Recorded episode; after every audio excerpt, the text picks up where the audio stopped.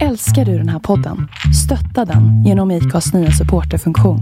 Det är helt upp till dig hur mycket du vill bidra med och det finns ingen bindningstid.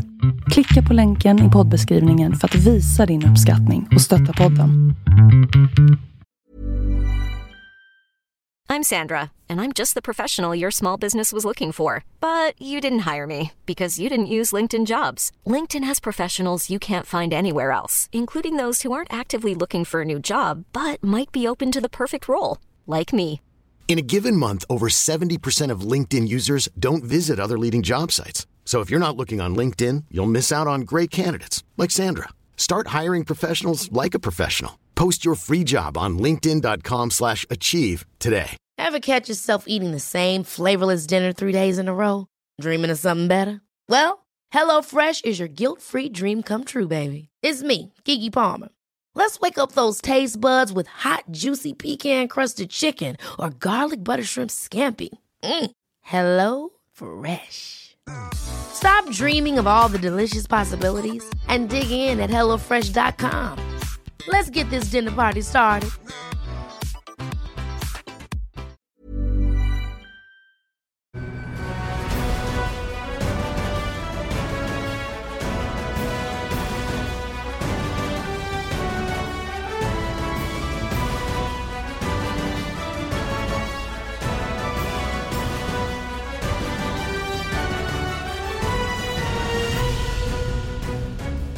Då är det dags för en eh, MotoGP-podd. Eh, långt eh, uppehåll sen senast och eh, det här blir en lite speciell podd för att vi är på plats i Malaysia för att eh, bevaka näst sista GP för säsongen. Andreas, eh, din känsla att sitta med lite utsikt då kontra ditt garage, vad säger du om det? Det här är betydligt bättre, tycker jag. Det, det är bara det att när man öppnar dörren så blir det en bastu här inne direkt. Helt sjukt alltså, vad- vilken, vilken värme. Ja, det är därför vi sitter och trycker här i kommentatorshytten istället. Det är en stor skillnad att röra sig ute fritt på den här nästan kokande asfalten. Det är, ja, jag kan inte säga att jag är akklimatiserad fast vi har varit här nu några dagar. Och det är ju ändå inte överdrivet varmt heller. Det är bara 32-33 grader men det känns ju som att det är 10 grader till. Ja, faktiskt. Du, läget annars då? Är du, eh, är du eh, i bra fysisk form känner du? Jag tycker det. Eh, frisk och kry och eh, akklimatiserat mig. Ja, det där var ett nytt ord. Där ska jag försöka lägga in i min egen Kör ordlista. på den. Ja. Är det som Centre d'accréditation? Ja, exakt. Precis. Det är ackrediteringscentrum, center på eh, franska eller? Ja, den, den kör vi ofta med, försöka hitta. Nej men eh, jag tycker när vi har varit här nu, det är eh, fredag eftermiddag, lokal tid, vi har varit här sedan i tisdags. Och eh, nej, men jag känner mig eh, stark inför helgen. Det är Mm. skönt också att slippa den här tidsomställningen, själva gå upp mitt i natten och köra hemifrån. Den eh, har varit jobbig när tre helger i rad. Ja, jag ska erkänna att det, det var läge att få det här, den här jobbhelgen eh, på dagtid istället. Nu har vi akklimatiserat oss som sagt var och, eh, Så heter det. ja, och eh, även ställt om tid någorlunda den biologiska klockan här. då. Absolut, absolut. Man märker Min, det min biologiska klocka slutar ticka. Känns som jag är yngre än när jag stack hemifrån. Oj, oj då, oj då. Nej men man märker det när man pratar med teknikerna hemma och sådär att de är inte riktigt eh, i rätt tidszon. Vi har bättre energi. Jag känner mig faktiskt, jag känner mig energifull och det är alltid lite extra påslag att vara på plats just och uppleva de här platserna och helgerna på riktigt. Det blir en, eh, det blir en annan närvarokänsla, det kan man ju konstatera. Du, eh, övrigt då? Det var race i Australien för mindre än en vecka sedan. Det ska vi snacka om. Vi ska ta ett litet nyhetssvep, eh, få med en lyssnarfråga, prata lite grann om de två race som återstår på året och dessutom lite grann eh, en kortare blick framåt också mot nästa säsong. Och eh, kanske då också vad eh, man, eller man, du, jag känner inför just den här helgen som, som avslutning på den här podden. Det är tanken. Ja, helgen har precis börjat här. FP1 är kört och nu sitter vi en timme innan FP2 och snackar. Ja, Så den här kommer ju släppas efter FP2, så det som har hänt då, det vet vi faktiskt inte vid det här läget. Nej, det är bra att du eh, garderar här nu så att vi inte Ja. låter helt okunniga. Men du, Phillip Island då för en vecka sedan, Australien. Eh, andra förhållanden såklart temperaturmässigt, det vet vi sedan tidigare. Eh, de här racehelgerna är ju inte helt rätt när det gäller årstid i den här delen utav världen. Ja, det känns inte så. Det var ju kanonväder i början på veckan där i Australien, sen så blev det ju sämre och sämre kändes det som. Sen blev det ju till slut uppehåll eh, under kval och racedag i och med att det blev lite förskjutet där. Vilket var helt rätt, det var alldeles för hård vind. Oliveira där skadade sig ganska allvarligt och han har ju försökt här under första träningen men han kastat in handduken så han kommer inte köra vidare denna helgen. Nej, men det är verkligen eh, problematiskt det där med, med väderförutsättningarna i Australien. Det är en faktor som verkligen som ställer till det både för förare och team när det gäller tid på banan. Vi hade ju alltså träningar, inledning på helgen med eh, helt torrt och hyfsad temperatur. Det var blöta förhållanden och sen den här vinden då på, på eh, FP3. Eller var det på, till och med på FP4? Ja, FP4 var det FP4 de var det som värst ja. Men i vilket fall då, stora skillnader. Men i övrigt då en, en bana som, eh, som förarna och teamen gillar. Är förutsättningarna rätt där, då är det ju helt fantastiskt att köra. Ja, det är ju det. Skulle du kört den istället mitt på sommaren där, det vill säga mitt på vintern. Men förutsättningarna i mästerskapet är ju sådana, och det har ju alla klart för sig, att Marcus har avgjort eh, VM sedan länge där och är klar världsmästare. Eh, Dovi säkrade dessutom sin eh, andra plats för tredje året i rad. Men det är lite mer avslappnat i, toppen här men fortfarande så vill ju förare eh, vinna race. Det märkte vi tydligt under, eh, under helgen. Det gjorde vi. Han, eh, Marcus vann ju till slut racet. Han gjorde ju riktigt bra Riktigt bra race, precis som vanligt. Stressade Vinales hela racet, eh, gick förbi med hjälp av motorkraft uh, och sen kunde inte Vinales sätta emot. Men det är nästan den, den eh, mest intressanta frågan tycker jag efter den helgen. Hur Marquez lyckas slå Vinales som för mig och för alla säkert såg helt överlägsen ut under alla förhållanden. Ja, det gjorde han. Men eh, han fick inte racet dit han ville riktigt. Sen så tycker jag svagheterna hos både han och Yamaha lyser igenom. Eh, tre svagheter egentligen. Den första var ju att han gjorde en dålig start. Hade han gjort en bättre start lätt in i första svängen då hade han kunnat dra direkt med fräscha däck. Eh, Medan Marcus hade lite mer problem inledningsvis och då tror jag inte Marcus hade kommit ifatt och tagit den där luckan. Istället blev det ju efter halva racet, då gick Vinales upp men då var ju Marcus i ryggen, när han väl tog sig förbi Crutcher, då var han i ryggen och då var det slitna däck på båda cyklarna och det behärskade Marcus bättre. Nummer två är ju ehm, just farten på raken. Ja, det är ju stor, vi, vi markant såg, skillnad. Vi såg ju tydligt under racet hur Marcus rullade av lite grann i slutet på rakan och det är egentligen enda stället på den banan där, där toppfarten har någon betydelse och i övrigt så är det ju, där såg vi ju, där ja. hade ju Vinales övertag egentligen ja. runt hela varvet. Precis, och det, det, var hans andra, andra grej där med effekten att det räcker inte till hos Yamaha. Tredje grejen tycker jag är hans oförmåga att köra om. För hade han, eh, hade han varit bättre på det så skulle han ha gjort en attack som han var på väg att göra ner för kurva 10. Han gick omkull i utgången kurva 9 uppe precis där vid Lucky Heights. Hade han varit lite mer aggressivare av naturen så hade han kunnat runda på yttern och bara dyka på insidan. Nu gjorde han inte det och ja, man, man, kan inte klandra för att han inte gjorde det men vi har sett det många gånger hos just Vinales att han avvaktar istället för att göra de här attackerna. Hade det varit Marquez som bara legat, hade det varit tvärtom där då hade vi inte ens funderat på om det har kommit en attack eller inte, för det hade det gjort. Jag är lite tveksam på om det där ligger hos honom själv eller om det ligger eh, i Yamahans natur. Men vi har ju ofta jämfört honom och, och Rossi tidigare och Rossi har ju betydligt lättare att tugga sig igenom ett fält när han har gjort en sämre start eller startar ja. längre ner. Ja absolut och Rossi är ju mästare, har varit mästare på just de sakerna att kunna köra förbi, välja tajtare spår men ändå hålla spåret. Det har vi ju berömt honom för många gånger tidigare men eh, det kan mycket väl vara så. Vi har också varit inne på det både i sändningen och på den innan att det kan mycket väl bero på setting som Vinales har för att kunna köra snabbt ett helt varv. Men att han har en sån här setting och den, då får han försaka lite helt enkelt just i inbromsningarna. Det kan vara en grej att han, eh, han, han kör lite högre framme eller lägre framme för att få den att styra lite bättre kanske. Och då får lite sämre inbromsning istället. Så att det, det är sånt som vi inte det har vi ingen aning om. Vi kan bara se att Vinales är svagare på inbromsning. Om det är han, om det är setting eller om det är Yamaha. Det vet vi inte. Men då skulle man ju egentligen från teamets sida och kanske från hans egen sida också behöva jobba åt två håll, men den tiden kanske inte finns. Han skulle behöva ha en kvalinställning och en inställning för race. För det är klart, han kommer ju inte att... Som det läget är nu, då kommer han ju inte iväg. Han har ju inte gjort det hittills någon gång egentligen. Men vem på det istället, hade han tagit starten, då hade han haft nytta av att kunna köra de här snabba varven och, och liksom ha den här optimala settingen. Då hade det varit perfekt att ha den settingen och, och, och gå från en sån setting och försaka lite varvtidsmässigt för att få lite bättre inbromsningar. Det är svårt som förare att ta det beslutet att nej men nu ska vi åka tre tiondelar långsammare på varv just för att vi ska kunna bromsa senare. För om han då väl tar starten, ja då kan han ju inte sticka ändå, för han har ju inte varvtiden. Så att, eh, ja, det är svåra, svåra saker men eh, det är någonting han måste jobba på. Vi, vi sa ju det inför den här säsongen, han måste lära sig köra om, han måste göra bättre starter. Nu har han gjort bättre starter, men han har fortfarande just omkörningsförmågan, den, den saknas lite.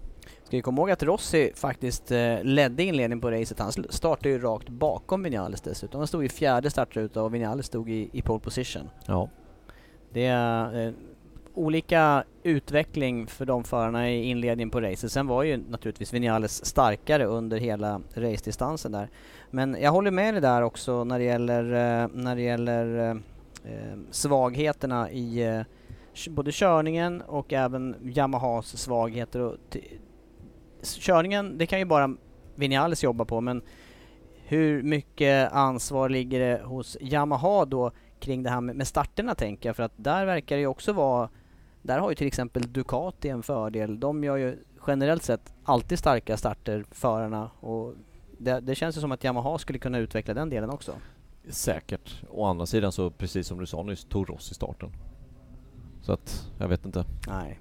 Det, det, det är jättesvårt att, att säga om faktiskt. Och Quartararo har inte gjort dåliga starter under året heller. Så att jag vet inte om problemet riktigt ligger hos Yamaha just i starten. Utan jag, jag känner att det är mer Vinales eh, svaghet.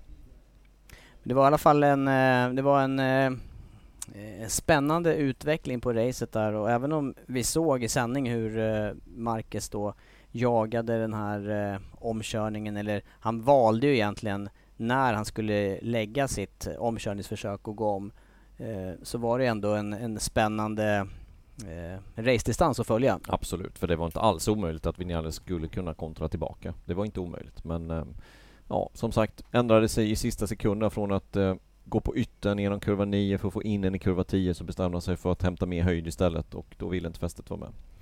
Nej, och jag tyckte din eh, analys där i sändning var, kändes eh, helt korrekt. Sen har vi inte fått det bekräftat direkt utav Vinales eller Yamaha, men, men det såg ut som att han ville gå över ja. tillbaka över till vänster sida utav banan snabbare än vad cykeln mäktade med där. Ja, för, för Marquez täckte ju in, han, han vandrade ju lite åt höger för att stänga helt enkelt och, och när Vinales insåg att det här kommer inte gå i inbromsningen så valde han istället att försöka hämta lite mer höjd och eh, ja, knäcka till cykeln där och det vill inte, det vill inte fästet vara med om.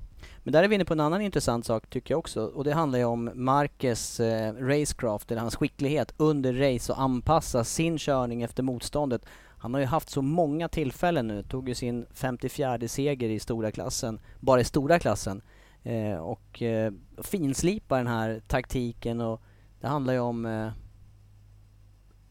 fight mot olika förare, mot olika fabrikat och, och, man mot man ofta. Ja, var det inte 55? Han kanske gick förbi då, men stämmer Jag tror det. Ja, det var, kanske, ja, så kan det ha varit.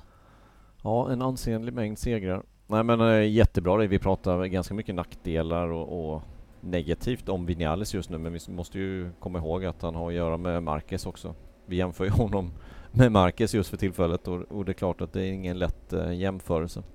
Nej, den, den har ju, den är ju, det är få förare som har Ja, då, då skiftar vi ju fokus nu men, men Marcus är ju så pass ja. jämnstark på alla delar, även när det gäller den här eh, själva, det är ju både fart och, förmåga att hantera ja. motgångar och, och, man mot man fighter och allting. Marcus gjorde ju allting helt rätt. Det finns ju ingenting han kan ha gjort bättre under racet. Det var ju, vänta till Vinales kom upp i ledning, hänger på, inte ge han en millimeter utan hänga med han hela tiden, stå 0,2 på tavlan och sen göra en attack eh, som han har känt på 4-5 varv i rad innan och så bara köra förbi på rakan och sen köra allt vad det går och täcka i kurva 10. Det, ja, det, det går inte att göra det bättre än vad han, eh, vad han gjorde. Men Vinales då, då som, eh, som eh, var aktuell i det här racet. Nu har vi haft exempel på Yamaha-förare då som har slagits mot Marquez de, ett flertal gånger den här säsongen, framförallt då Quartararo. Och ja, om man nu ska, om man nu ska rå på Marquez i det här läget. Jag vill vända tillbaka till Philip Island. Hade Vinales, om han hade tagit sig förbi Marquez in i kurva 10 där, jag är inte övertygad om att det blir Yamaha-seger ändå. Nej. På grund av eh, Marquez styrka ut på rakan där. Ja, bra fart ut på rakan och sen mer effekt. Ja. Jag är inte alls säker att det direkt, faktiskt. Det är det inte.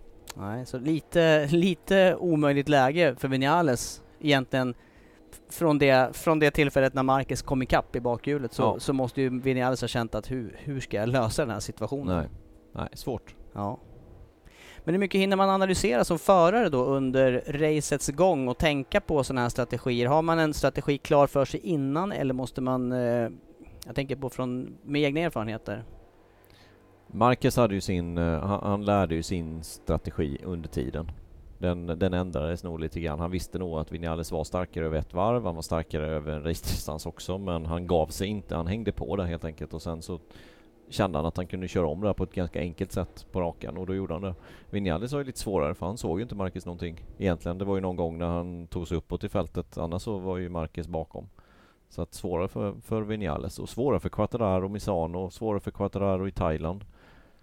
När de leder hela racen ja.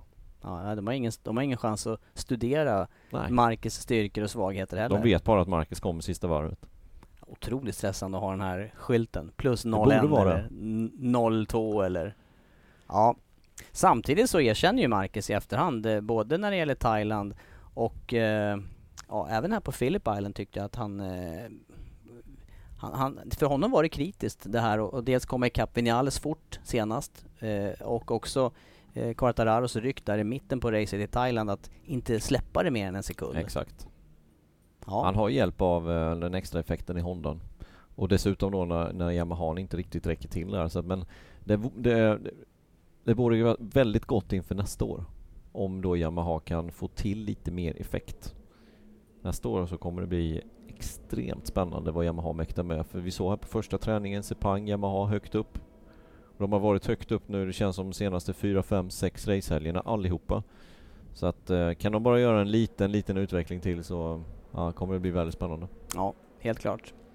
Du, bakom eh, topp två där, och nu blev det ju oväntad topp två. Det blev ju Crutchlow som tog andra platsen. Det tycker jag var ett riktigt eh, styrkebesked av honom. Framförallt då i och med att det var där han kraschade och skadade sig illa förra året. Ja, jätteimponerande av Crutchlow att kunna ta den här andra platsen som han gjorde. Jag trodde faktiskt inte att han skulle kunna vara med så högt upp utan jag trodde han skulle vara någonstans mitt i fältet där de andra var när de slog som tredjeplatsen. Men han eh, kunde hänga med Marcus något varv, få en lucka bakåt och sen var det klart. Mm, ja, imponerande. Och så fick ju då Miller, hemmaföraren, eh, tredjeplatsen till skänk, så det var ju ordentligt jubel för honom och han sa ju själv efteråt att det här var ju hans eh, kanske bästa känsla, till och med bättre än segern på Assen. Ja, det, det är ju förståeligt hemmaplan och på det sättet eh, som han ändå körde. Han körde jättebra under hela racet egentligen.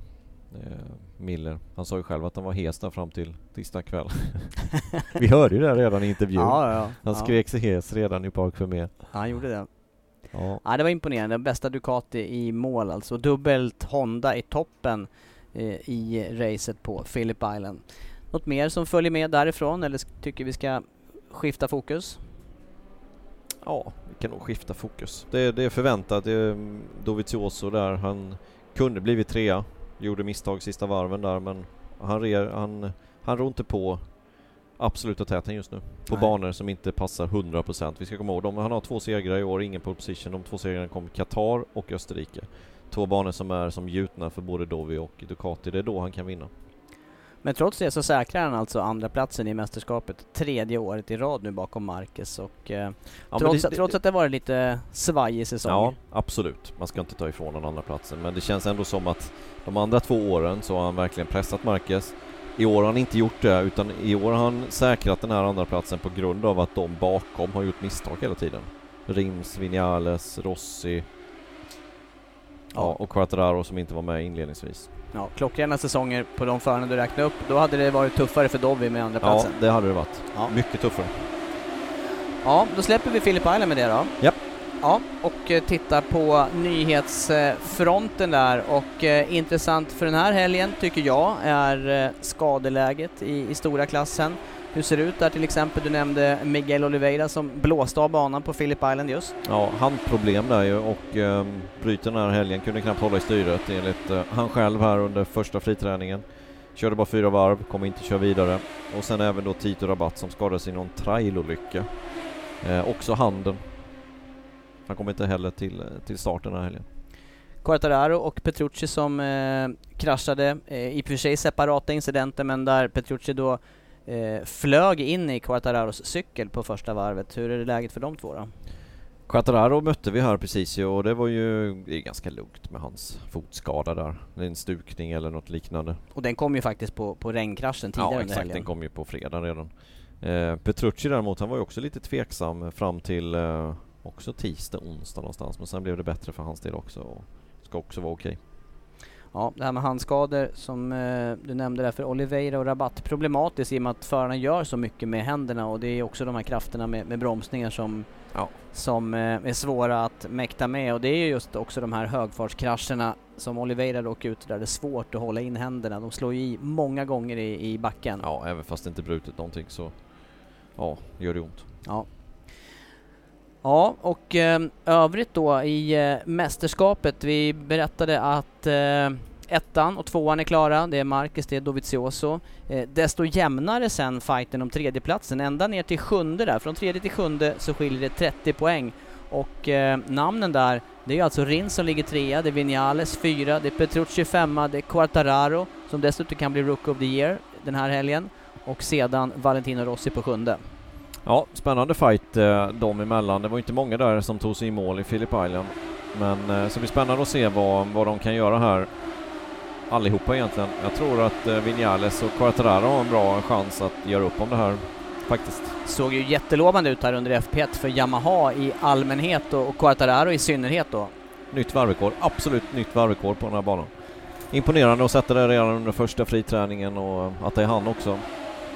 Som vanligt känns det som. Det känns som vanligt ja. Han leder för övrigt då Rookie of the Year-fighten med 22 poäng över Jack Miller och säger sig själv då att har han mer än 25 poäng iväg från den här helgen då är han klar eh, mästare. Och det är också en, eh, en ganska stor eh, målsättning för de här nya förarna att att ta den titeln. Rookie, sa du det? Ja, Det måste vara independent team. Rookie har han väl redan säkrat? Jag tror att han ligger 22 poäng före i... Vi får väl dubbelkolla det här då i, våra... Ja i men live eh, Miller är ju inte rookie. Nej, det är sant. Det är sant. Det är, nej, det har du rätt i. Jag tror att han redan har säkrat faktiskt eh, rookie-mästerskapet. Det gjorde han i... Eh, där de hade ju på sig t-shirts, var inte Jo, Japan. det är sant. Det är helt sant. Då är jag det ute och måste, seglar. vara, det måste vara independent. Så kan det vara. Sant. Bra att du rättar där. Annars är jag ju... ah, det måste vara tidsskillnaden, eller ja, hur? Ja, ja visst. Ja. Självklart. ja, ja. Vi sa nyss att vi var helt, helt kristallklara i huvudet. Klockan är bara sju svensk tid. Ja, ja, ja. Nej men det är sant. Men viktiga, viktiga race i alla fall återstår och, och också, får vi väl tillägga där, för Quartararos del så har ju han fortfarande siktet inställt också på en första seger. Ja. I'm Sandra, and I'm just the professional your small business was looking for. But you didn't hire me because you didn't use LinkedIn jobs. LinkedIn has professionals you can't find anywhere else, including those who aren't actively looking for a new job but might be open to the perfect role, like me.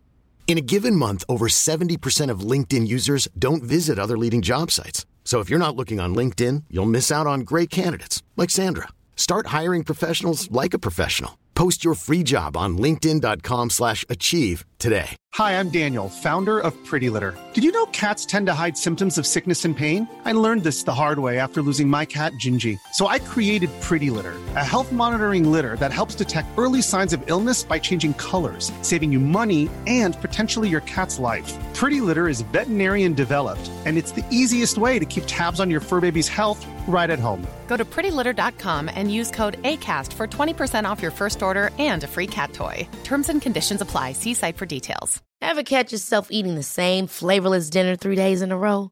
Dreaming of something better? Well, HelloFresh is your guilt-free dream come true, baby. It's me, Kiki Palmer. Let's wake up those taste buds with hot, juicy pecan-crusted chicken or garlic butter shrimp scampi. Mm. Hello Fresh. Stop dreaming of all the delicious possibilities and dig in at HelloFresh.com. Let's get this dinner party started.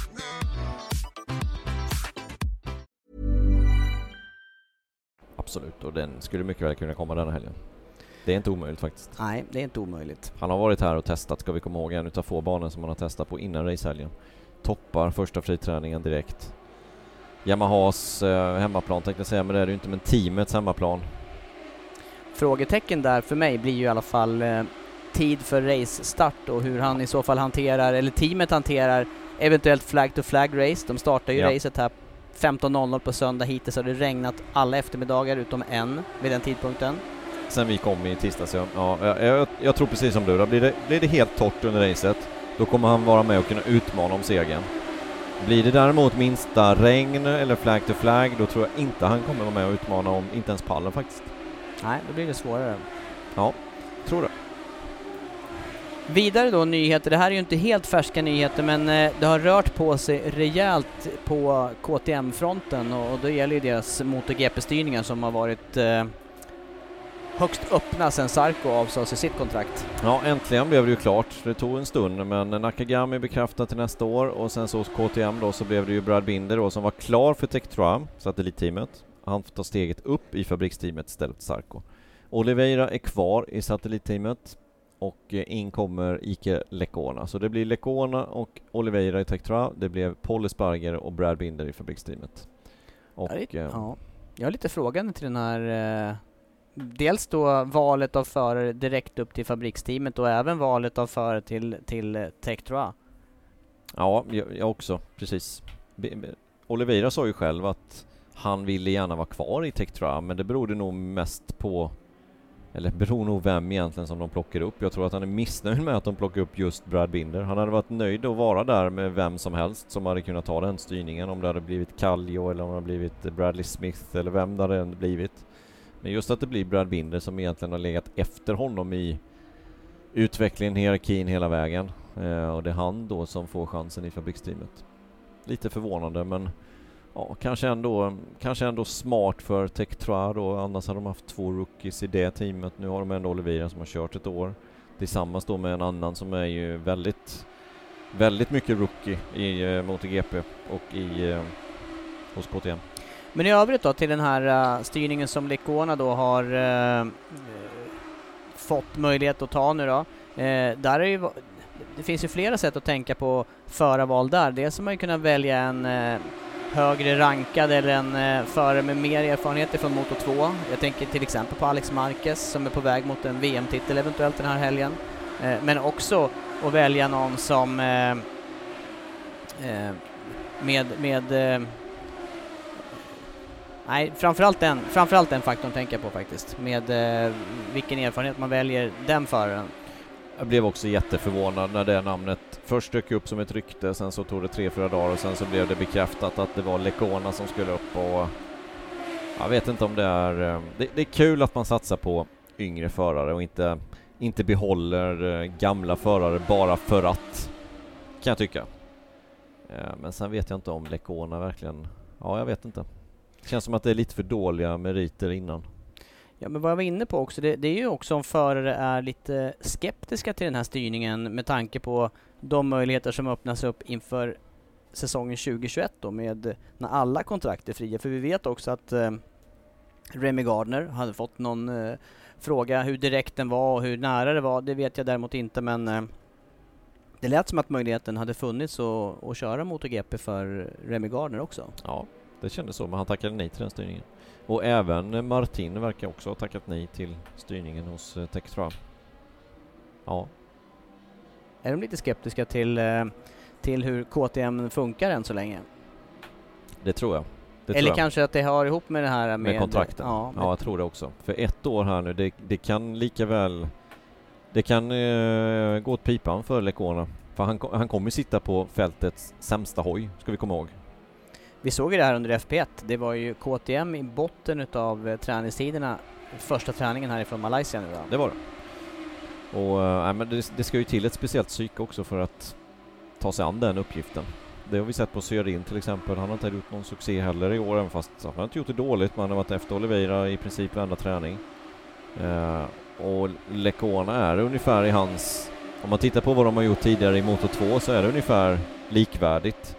Så jag kan inte se att Lecona ens kommer vara i närheten av Oliveira. Och ibland för utvecklingen så kan det vara negativt att ta för stora kliv för fort. Ibland är det bättre att göra de här bra resultaten, vara kvar i Moto 2 till man verkligen har etablerat sig där och det är därför jag tror att de här etablerade namnen som Marquez, Gardner, som ändå presterar lite bättre än vad Lecona gör, att de tackar nej. Mm. Lite mer skeptiska och eh, bättre förhandlingsläge då kanske inför eh, säsongen 2021 med toppresultat i Moto 2 bakom Ja, sig. ja, exakt. Ja. Sen ska man komma ihåg, de är lite äldre också och kanske, kanske lite visare. LK-orna som, är jag, 19, Mm. 19, 20 någonstans. Och dyker det då upp en MotoGP-styrning, det ska ju mycket till att tacka nej till en MotoGP-styrning. Med säkert betydligt bättre lön, även fast det inte är, alltså jämförelse med Marquez så är det ju jättelite pengar, men dock så kanske de får lön, det kanske de inte ens får i Moto 2 så att Ja, det ska mycket till att tacka nej till en MotoGP-styrning också men eh, jag vet inte. Nej.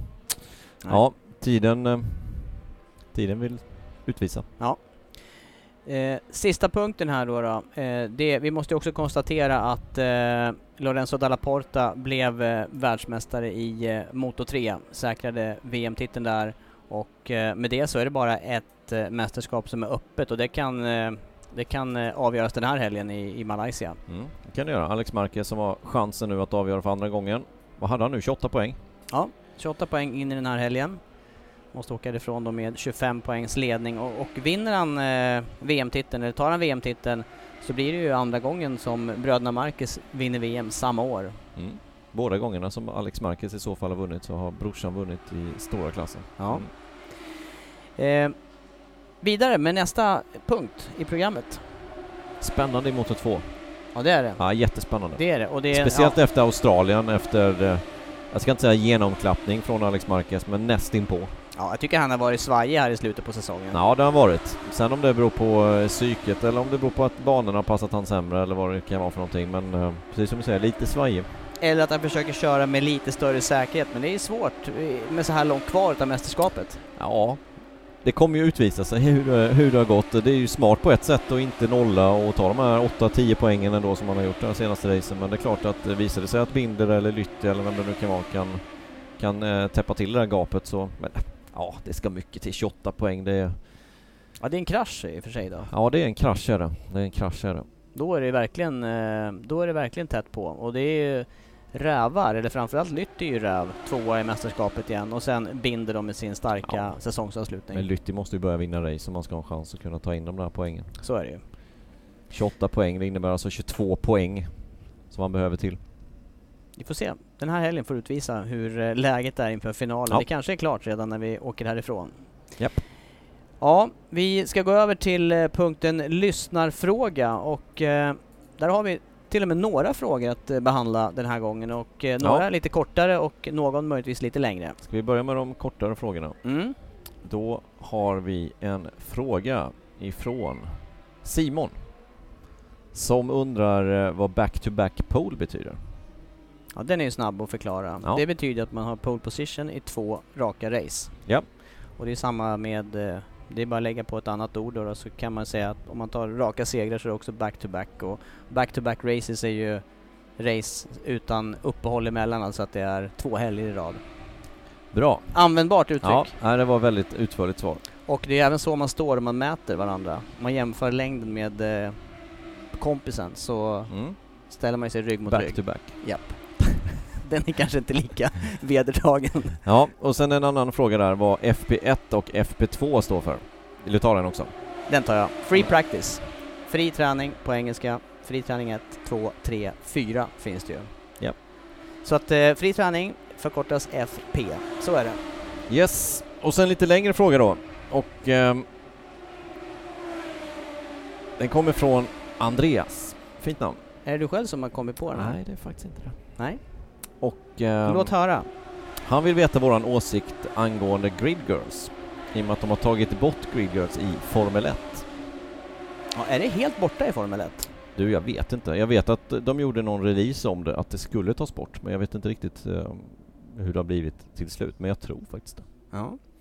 Här ser det lite annorlunda ut, eller lite olika ut kan vi ju konstatera först. Jag vet ju att i eh, Spanien, där är man eh, noggrann med att ha ungefär 50-50 då utav de här officiella eh, personerna som sköter eh, paraplyer, eller det är ju det, det, är ju, det, det är ju det gamla uttrycket på det här. Då var det ju paraplyflickor, hette det ju.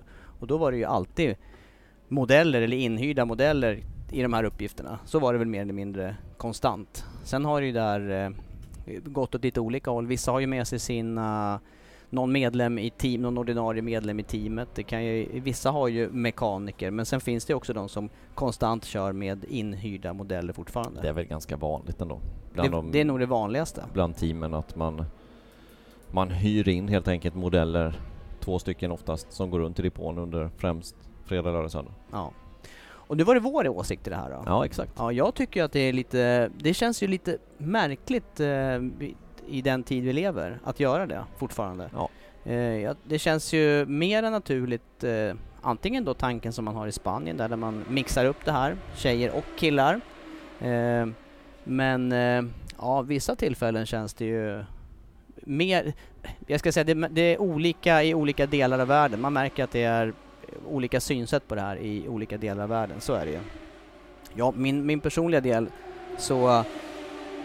Nej, det, det tillför ju ingenting. Nej, jag är helt inne på samma. Det är Jag- samma jag- som bilmässor eller mässor där man fortfarande har eh, inhyrda modeller i montrar. Det känns ju inte heller... Det, nej. Nej. Ja, jag Nej, fattar vi- inte poängen med det Vi egentligen. är riktigt, vi, vi är på samma nivå. Precis, det var kul att du sa det med Spanien för det är precis det exemplet jag tänker. Det tycker jag ska vara kvar faktiskt.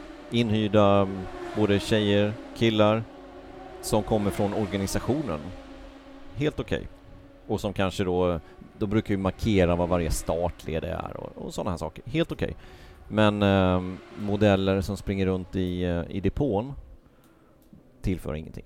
Nej, verkligen inte. Och, och många gånger är det ju känns det ju helt felaktigt. Eh, jag tänker sån här eh, regnrace i, eh, i Tyskland till exempel när det är noll grader varmt ute. Ja, men när det är snudd på minusgrader och sen är det lättklätt och nej det känns, det känns ju malplacerat. Ja. Det måste jag säga. Så att det är, för mig får de gärna göra på samma sätt som i, i Formel 1. Om, Ja. det nu, om det nu är borttaget där. Ja. Sen, sen behövs ju funktionen. För förarnas del så är det ju viktig funktion i värmen här är viktigt och det, man vill ha lite skugga och lite assistans med någonting där framme men det är oftast inte mer än skuggan just som de här gridguardsen skänker. Minio hade väl sin farmor, hade han inte det? I Misano? Nej det kommer inte jag, Jag, ihåg. tror det. Jag tror det. Andrea Minio i 125, ni får kolla upp det själva men jag har för mig att jag eh, la märke till det. Ja. Farmor eller mormor? Ja. Nej, så det är, det är min åsikt och då, då, är vi, då är vi eniga där. Då är vi helt eniga ja. Ja. Det är helt okej om det är eh, snygga kläder, tjejer och killar. Ja.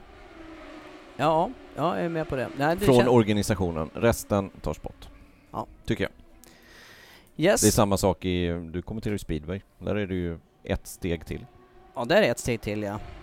Och det är ju, och det är ju faktiskt från organisationen Ja, eller exakt. från huvudsponsorn. Det känns ju, ja det känns ju kanske ännu Men det är just märkligare. den sponsorn som eh, kanske är Det mest utmärkade här, ja. Ja. det är det ju faktiskt. Nej det känns, det känns eh, mest annorlunda om man säger så då. ja, Mest märkligt. 1990.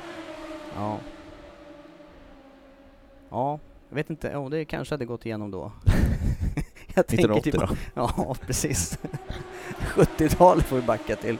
Ja. Ja, nej men så är det. Eh, så då har vi samma åsikt där och eh, då går vi vidare tycker jag till nästa punkt. Släpper vi den? Det var tre lyssnarfrågor i eh, ett kort och koncist svar. Mm, tycker jag också. Bra. Du, den här helgen då, då eller de racen som återstår, Malaysia och Valencia. Vi har konstaterat att både MotoGP och Moto3-mästerskapet är avgjort. Eh, vad, vad har man fokus på nu då som förare och eh, team avslutningen på säsongen? Jag tror det är olika. Vissa förare vill nog bara att den här säsongen ska ta slut. Vissa förare vill nog sätta ett statement inför nästa år. Andra förare vill nog förbereda sig och märket, cykeln, inför nästa år. Så jag tror det är helt annorlunda. Men tar vi till exempel, vi kan, vi kan ju ta dem i mästerskapsordning. Tar vi Marquez till exempel så vill han nog förhindra att ge Quartararo en seger. Han vill nog förhindra att ge honom det självförtroendet. Han vill själv avsluta på topp. Eh, tar vi Dovi så vill han nog få till cykeln på ett bättre sätt bara. Det är nog det hans eh, stora fokus, få den att svänga bättre. Eh, tar vi Rins, det är nog också lite slåss om tredjeplatsen eh, men även få till Suzuki på ett bättre, bättre lägsta nivå än vad de, eh, vad de har just nu. Eh, Vinales vill nog hitta tillbaka till vinnarkänslan. Ja, jag tror också det. För Vinales del, om jag bryter in där, så han vann på Assen senast och avsluta säsongen här med ett av de två avslutande racen med en seger kommer ju det, det är skönt att gå in i vinteruppehåll med ett starkt resultat i ryggen. Ja, ja Nyligen. Ja, absolut, absolut. Petrucci vill nog gärna åt eh, tredjeplatsen i mästerskapet och ja, utveckla hojen också inför nästa år, men jag tror framförallt tredjeplatsen i mästerskapet är viktigt för hans del. Quattararo, Rossi.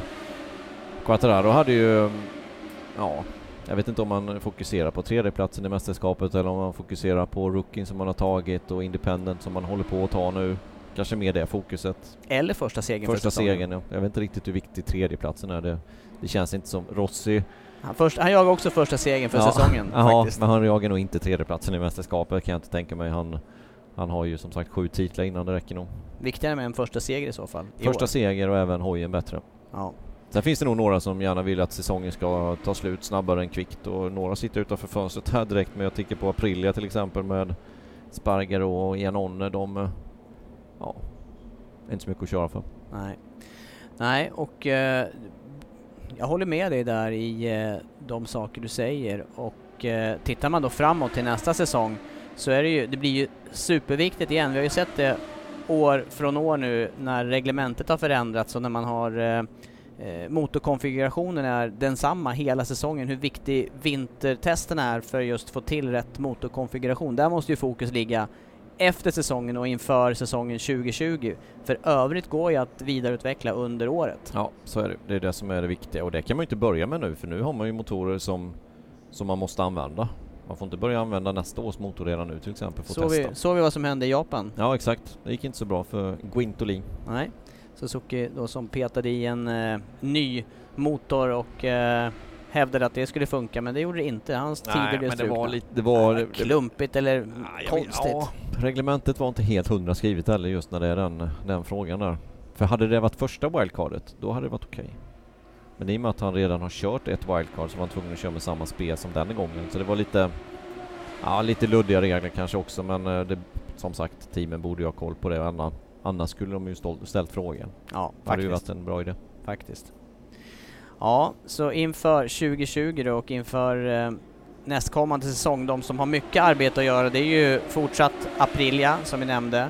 Eh, KTM behöver ju hitta jämnheten och, och dels ta ett litet snäpp framåt men också hitta jämnheten fartmässigt för att vara med och slåss där. I övrigt, eh, Honda, Yamaha, Suzuki, Ducati, ganska jämnt eh, läge. Jag skulle vilja hävda lite fördel Yamaha om de får till motorn här under vintern. Ja, det skulle jag också, det skulle jag också påstå.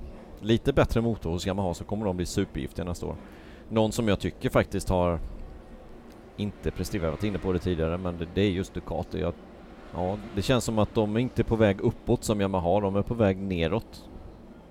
Ändå har ju de haft flera av de här nya tekniska lösningarna har ju de varit eh, Ja. tidiga med och snabba med och sen vet jag inte om det har på något vis har man har slagit sig för bröstet här och stått stilla lite för mycket.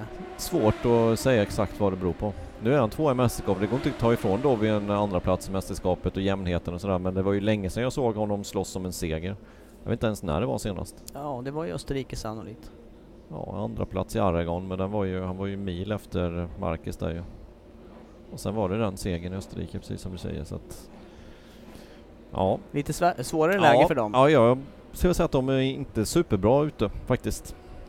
Nej, men Duktiga. kanske är det då att eh, de andra, eller de andra, Yamaha har ju skruvat upp sin eh, testverksamhet och intensiteten i den också med det här Europabaserade teamet. Ja, Att det kanske börjar eh, bära frukt kanske. redan nu. Ja, det är väl svårt att sia om då, men eh, det är ju förarbesättningarna klara, inte så mycket stora förändringar inom teamen. En stor förändring är ju det här med eh, Rossis byte av crew chief då från Silvano Galbusera till eh, Davide Munoz Mm. som kommer från Moto 2 närmast. Mm. Det kan ju bli, det skulle ju kunna bli en, eh, en vidareutveckling för hans del. Kan bli. Kan bli. Det är lite vågat dock. Ja, vågat. Kan bli sista året för Rossi och vågat att byta då, men eh, ja, vi får se. Kanske blir succé. Ja, Andreas, det närmar sig, eh, det närmar sig MotoGP. Jag vill bara höra avslutningsvis vad du skulle önska från den här helgen fortsättningsvis. Jag vill se lite regn, inte för mycket så det blir inställt, utan lite regn, ett flag to flag och lite dramatik vill jag säga. Mm. Vad vill du själv säga? Ja. ja, jag skulle vilja se ett torrt race här på söndag och eh, då skulle jag vilja se eh, Yamaha-förarna var med och slåss om eh, toppresultat. Egentligen spelar inte det mig någon större roll om det är Quartararo, Morbidelli, Rossi eller Vinales, men att det är flera förare som är med och utmanar eh, Marquez då som vann här förra året och eh, Dovizioso som har två segrar sedan tidigare på den här banan. Det känns som att det kan mycket väl bli tre Yamaha på pallen. Men som, som jag ser det så är det, det är Yamaha-förarna och jag vill inte räkna bort någon utav dem utan fyra Yamaha-förare. Det är Rins, det är Marquez och det är Dovi. Där kommer vi hitta topp sju. Ja, vi får se mer om det, vad som Ja. händer vidare den här helgen. Från Malaysia alltså och MotoGP-podd eh, ifrån kommentatorsplats då. Det drar ihop sig inför eh, FP2 alldeles strax. Vi avrundar den här MotoGP-podden och eh, ni följer oss som vanligt på våra kanaler hela helgen. Håll koll på sändningstider och eh, ställ klockan så att eh, ni är med oss vidare här ifrån Malaysia. Tack så länge.